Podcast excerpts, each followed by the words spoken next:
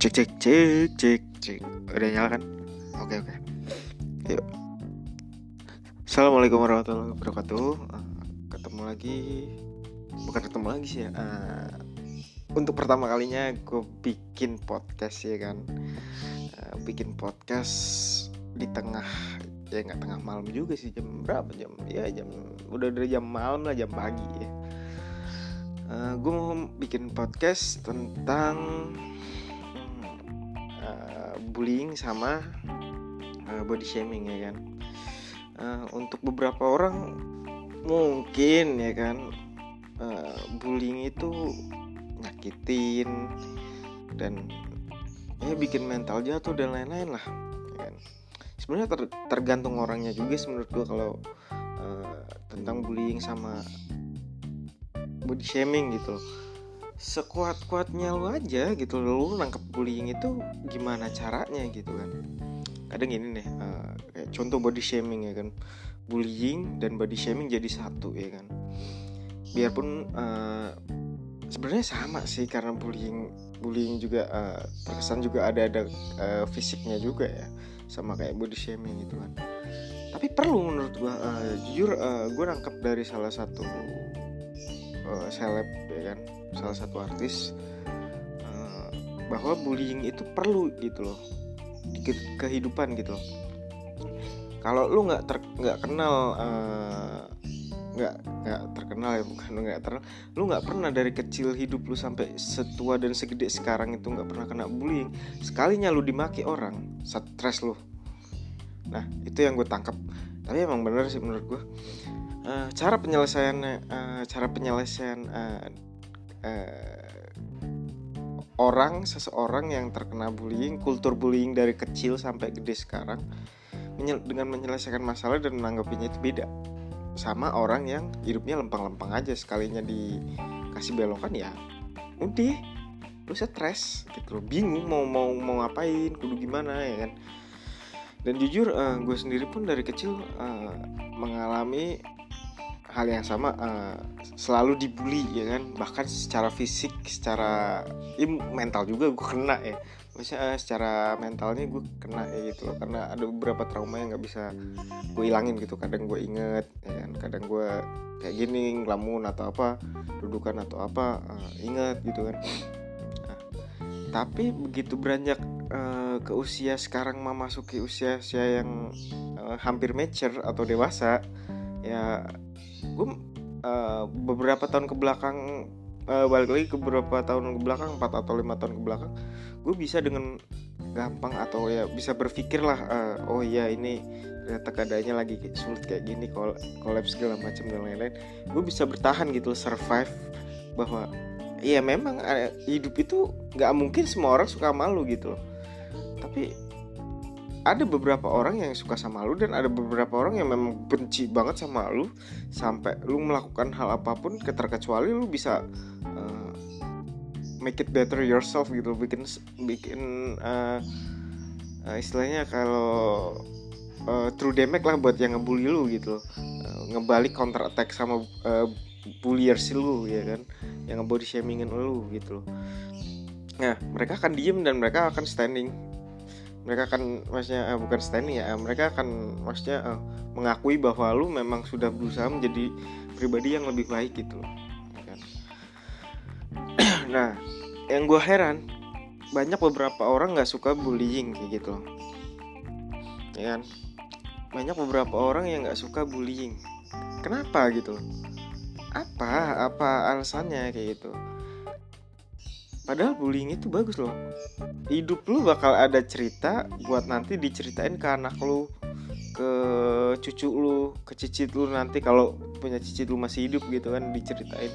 Bahwa pengalaman hidup itu yang bikin melek mata itu ada di sekitar kayak gitu dan yang gue salut sih dari si eh, banyak sih ya. Eh, mulai dari TV eh, di YouTube ya kan banyak eh, ya apa ya? Mereka eh, mengaku sebagai konten kreator dan juga eh, seleb seleb lah ya artis-artis ya kan penggiat seni pekerja seni yang mengecam bullying dan lain-lain gitu loh. Sedangkan hanya segelintir fans mereka yang istilahnya nggak 100% purely suka sama mereka kayak gitu loh uh, kayak gini. Contoh besarnya uh, nih gue ntar kalau nyebut nama kena kena lapor gak ya? Sama salah satu uh, artis lah artis uh, bukan ya emang dari awal gue nggak suka sih sama dia. Salah satu artis dan salah satu youtuber perempuan ya kan yang konten kreator dan lain-lain. Ah tai kucing lah ya kan uh, jadi uh, gue emang nggak suka dari awal gitu sama dia dari dia uh, ngeblow up banget gitu loh dulu uh, sekitar berapa ya? 2015 lah mungkin. Kemungkinan 2015 2016 lah. Namanya mulai ke blow up sering di udah stasiun TV terus dia bikin channel YouTube ya kan terus kakaknya juga seorang ustazah sama-sama artis juga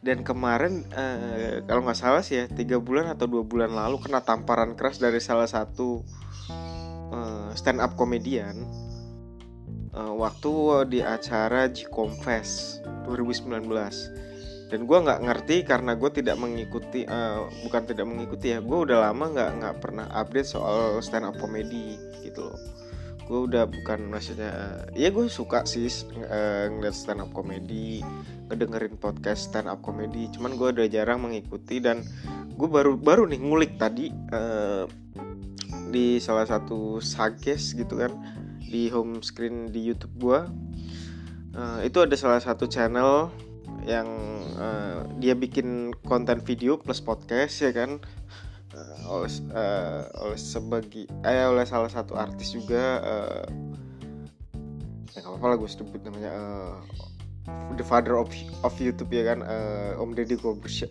Om Deddy Corbusier sama itu stand up komedian gitu loh. Jujur gue setuju sih setuju sama uh, si stand up komedian itu karena menurut gue hidup lu nggak nggak nggak harus lempeng-lempeng aja nggak ada masalah gitu loh. Dan uh, tamparan kerasnya ya itu waktu si youtuber perempuan ini sampai nangis dan bikin konten saya pamit ngentot lah segala macem apa lah ya kan? Lu ngapain pamit tapi lu balik lagi gitu apakah itu uh, ngebuat lu instan secara instan uh, secara instan membuat lu dapat duit banyak dan lain-lain ya kan?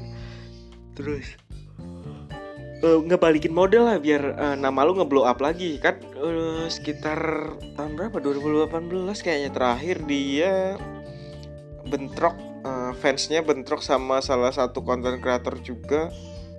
Uh, kalau dia julukannya sekarang the queen of drama dan satunya lagi The King of the eh, The Prince of Drama kayaknya kalau nggak salah. Kalau nggak salah sih ya. Kalau salah maafin kan gue ngikutin itu dua orang ya kan. Yang hype banget di Indonesia ya kan. Hype banget sampai ke mana-mana.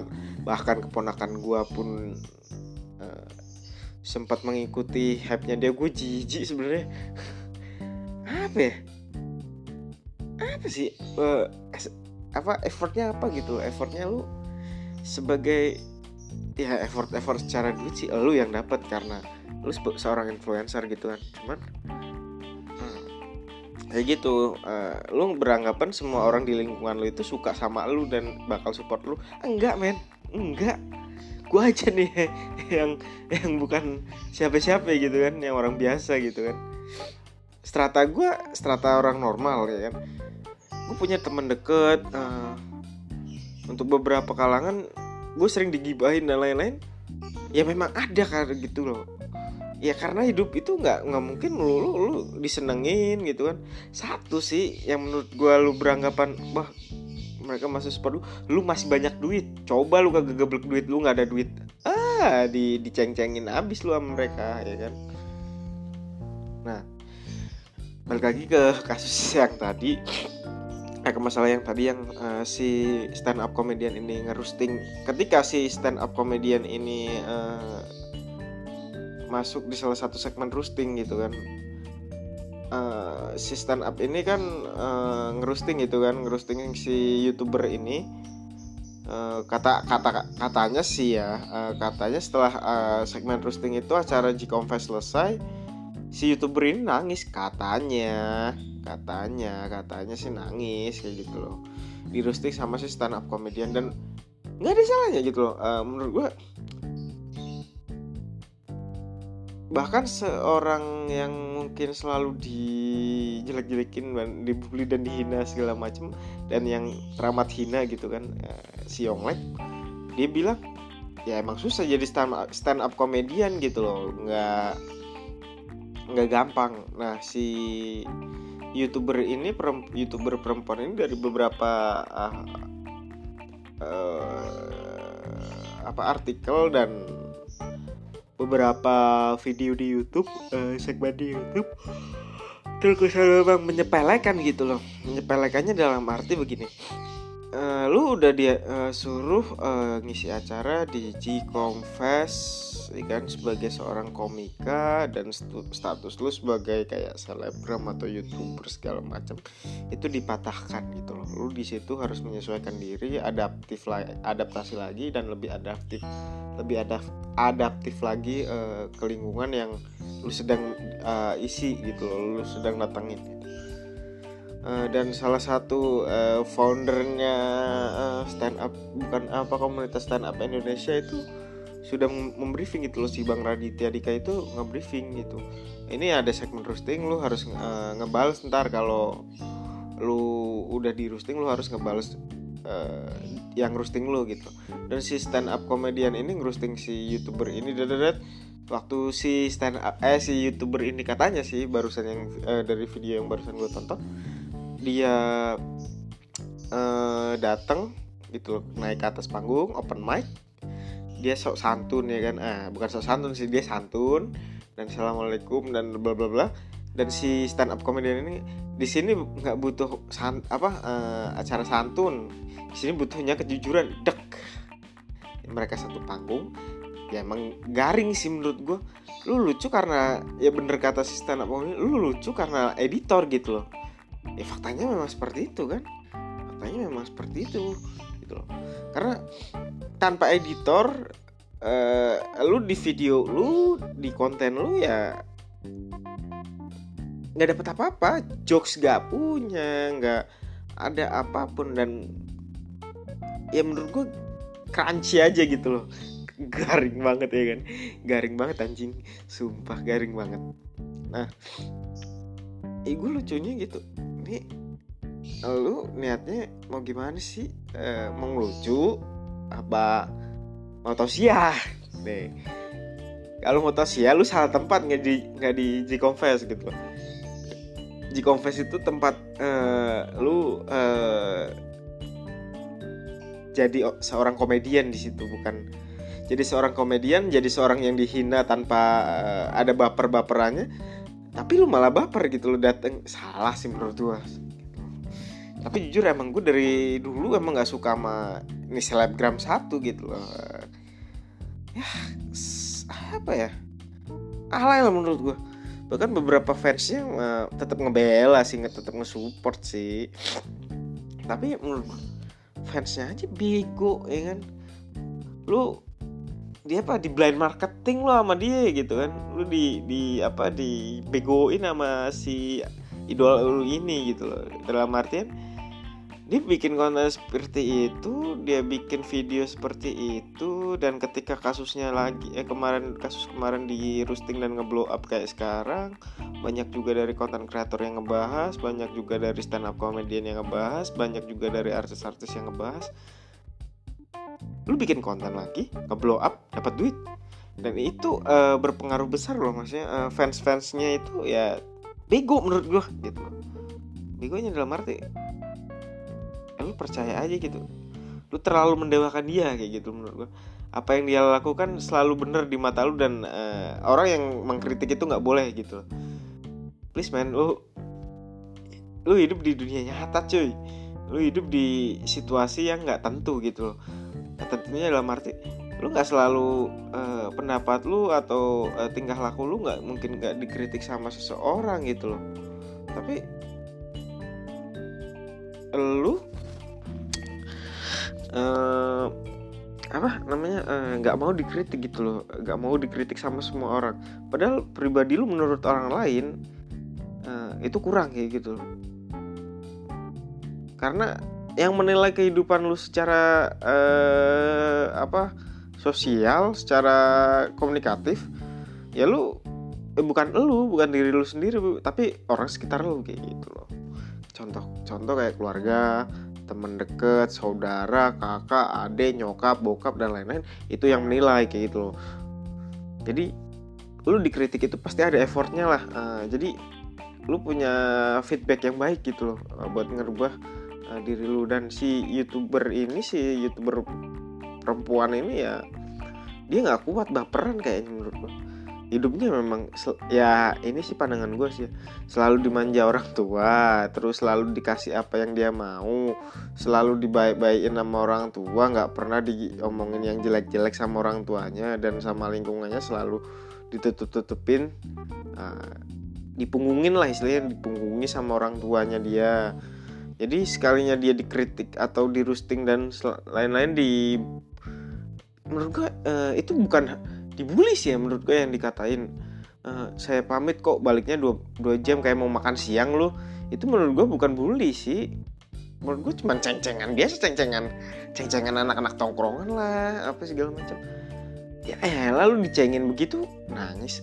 Ngapain gitu eh, itu menurut gue yang orang tua juga berpengaruh sih terhadap pendidikan mentalnya si anak nanti gitu nah itu contoh contohnya kayak gitu gitu loh dan menurut gue ya lu emang alay sih. Eh, sebagai seorang influencer dan sebagai seorang public figure lu emang alay menurut gue gaya lu alay sok baik sok segala macem. It's okay kalau uh, pada tempatnya lah. Lu mau gimmick ya pada tempatnya lah menurut gue nggak semua di link di link dan di lini yang lu pijak itu lu harus menjaga image dan lain-lain gitu loh gak harus gitu loh menurut gue lu bisa jadi diri lu sendiri gitu loh. Karena itu menurut gue lu bukan bukan diri lu sendiri gitu.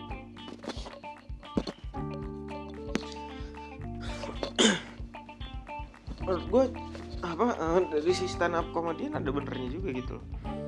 Bullying itu sebenarnya perlu, perlu gitu kan. Bukan cuman bukan cuman uh, uh, menyakitkan hati gitu loh menyakitkan hati dan bikin trauma.